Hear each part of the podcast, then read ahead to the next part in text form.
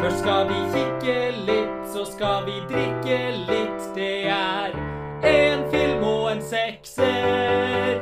Hei sann, Audun her. Først og fremst så vil jeg bare beklage på vegne av Simon og meg selv for manglende publikasjoner i den eh, senere tiden. Faktum er at vi har ganske forskjellig arbeidstid, som gjør at det er tidvis vanskelig å møtes for å spille inn. Og forhåpentligvis så kan vi se en bedring på de her forholdene i nærmeste framtid, fordi jeg skal begynne å jobbe mer tidligvakta, som eh, passer bedre med Simons eh, arbeidstid i læreryrket. Så vi får krysse fingrene for å komme tilbake til en litt mer normal utgivelsesrate utover våren. Apropos arbeid og hvor jævlig dritt det er. Vi har ikke på noen tidspunkt lagt skjul på at det her er en venstrevridd podkast. Helt siden starten så har vi forsøkt å gjøre det klart at vi ønsker å spise rikinga og ta kontroll over produksjonsmidlene og produksjonsredskapene selv. Vel, på søndag er det 1. mai, arbeiderklassens internasjonale kampdag, og i den anledning tenkte vi at vi måtte gjøre noe litt spesielt. Så mens Simon eh, sitter på det andre rommet og stryker det røde flagget og produserer Molotov-cocktails, så skal jeg komme med et lite knippe filmtips som dere kan ta en titt på i løpet av helgen for å reise kampånden og forberede dere til den store dagen.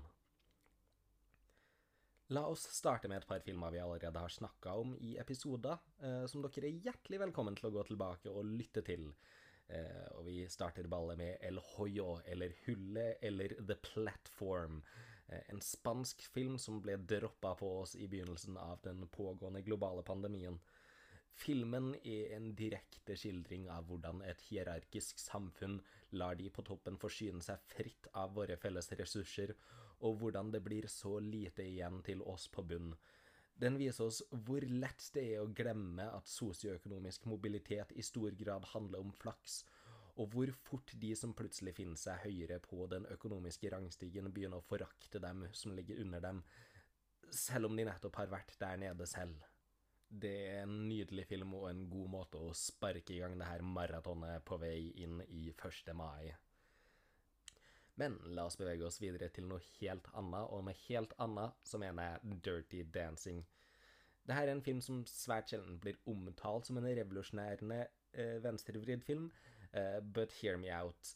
Denne filmen framfor noe annet er en god representasjon av en blomstrende klassebevissthet, og det her får vi se både gjennom Johnnys klassebevissthet som en mann av arbeiderklassen, men også i Baby, en ung kvinne fra den øvre middelklassen, som omsider får oppleve hvilke privilegier hennes familie sitter med, og hvordan verden faktisk ser ut for de som er plassert under henne på hierarkiet. Jeg mener, en av filmens primære antagonister sitter og onanerer til Ayn Rand. Det trenger jeg å si noe mer?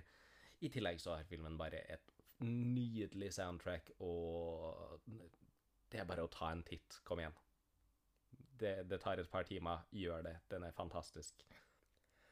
Deretter så tenkte jeg skulle si et par ord om West Cravens mesterverk The People Under The Stairs. Denne filmen er vill.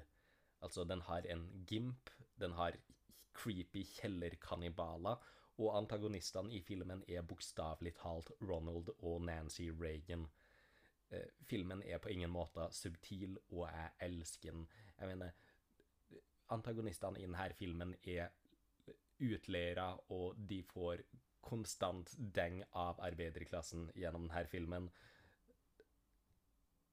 Jeg, jeg, jeg, tror ikke jeg trenger å si noe mer enn at denne filmen er 100% bonkers, og at alle bør se den sånn øyeblikkelig. Alvorlig talt, hvis du ikke har sett denne filmen, sett denne episoden på pause øyeblikkelig og se filmen. Jeg kan vente på dere.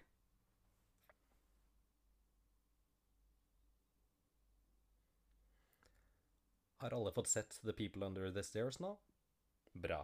Da kan vi bevege oss videre i programmet. Ridley Scotts Alien er en av de virkelig store horror- og sci-fi-klassikerne der ute. Den er elska både av kritikere og allmennpublikummet, og lever fremdeles et liv den dag i dag, over 30 år etter den opprinnelig ble sluppet.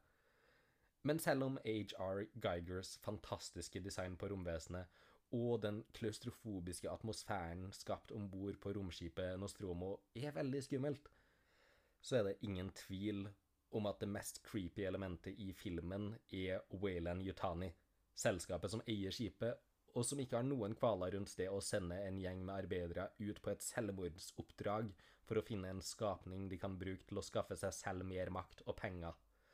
Hm, et selskap som bryr seg om profitt over arbeidernes liv og helse.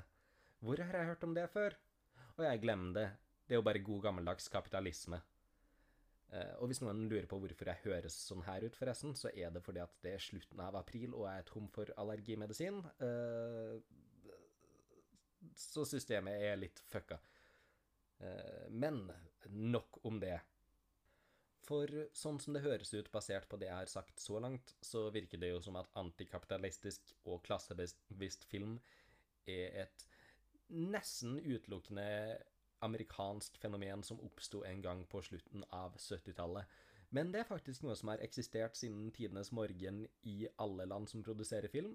Jeg tenkte bare at det kanskje var lettere å få folk til å se filmer som er engelskspråklige og litt mer moderne. Men vi kan også ta en liten titt på det historiske perspektivet.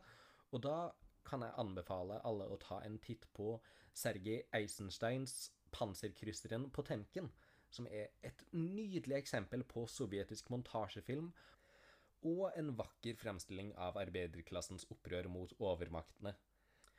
Og etter at dere har sett den, så hvorfor ikke bare sette seg ned og ta en titt på Vittorio de Sicas 'Sykkeltyvene'? En neorealistisk skildring av livet til arbeiderklassen under liberalismens blomstring i Italia etter fascismens fall, som viser hvordan kapitalismen tvinger arbeiderklassen inn i kriminalitet for å overleve. Det er stadig en veldig, veldig relevant film den dag i dag. George A. Romeros Dawn of the Dead finnes ofte på listene over de aller beste antikapitalistiske skrekkfilmene der ute, og med god grunn, sjekk den ut. Men siden alle andre som lager slike lister som det her, allerede har lagt ut om den til det kjedsommelige, så tenkte jeg at det var på tide å bringe inn en annen film fra samme serie. Land of the Dead, den fjerde filmen i Romeros The Dead-serie, og den første zombiefilmen jeg så, viser et samfunn hvor zombier har blitt en del av hverdagen. Og her har de rike bygga seg luksusbyer beskytta av murer og væpna vakter for å slippe unna zombiene, mens de fattige enten lever i slummen eller er nødt til å risikere livet sitt ved å dra ut på oppdrag for å skaffe nødvendige ressurser for rikingene i sine høye slott. Dette er på mange måter en zombiefilmatisering av Edgar Allan Poes Mask of the Red Death, og den er absolutt verdt å få med seg, både i sin samfunnsanalyse og rett og slett eh, for all sin deilige gore. Husker dere Småkryp? Den koselige Pixar-filmen om en maurtue som må samarbeide for å vinne over de onde vepsene som har stjålet fra dem i alle år?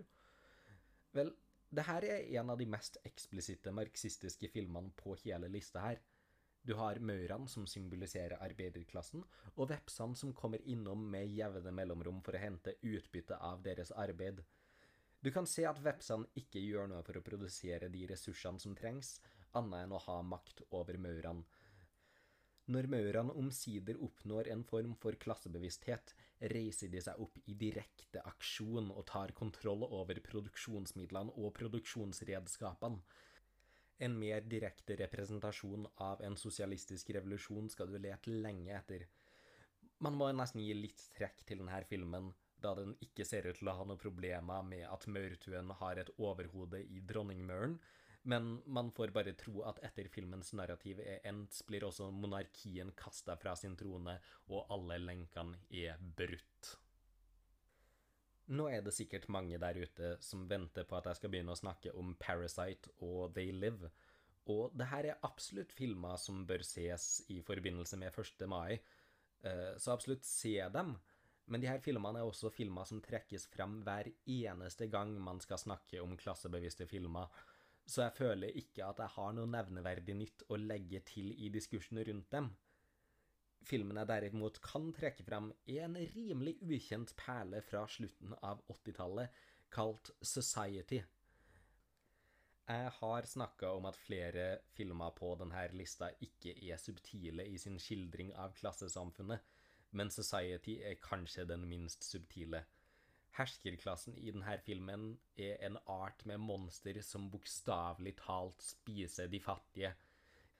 De lever skjult fra resten av samfunnet og kontrollerer alle verdens institusjoner for å undertrykke arbeiderklassen og fortsette å leve sitt dekadente og monstrøse liv.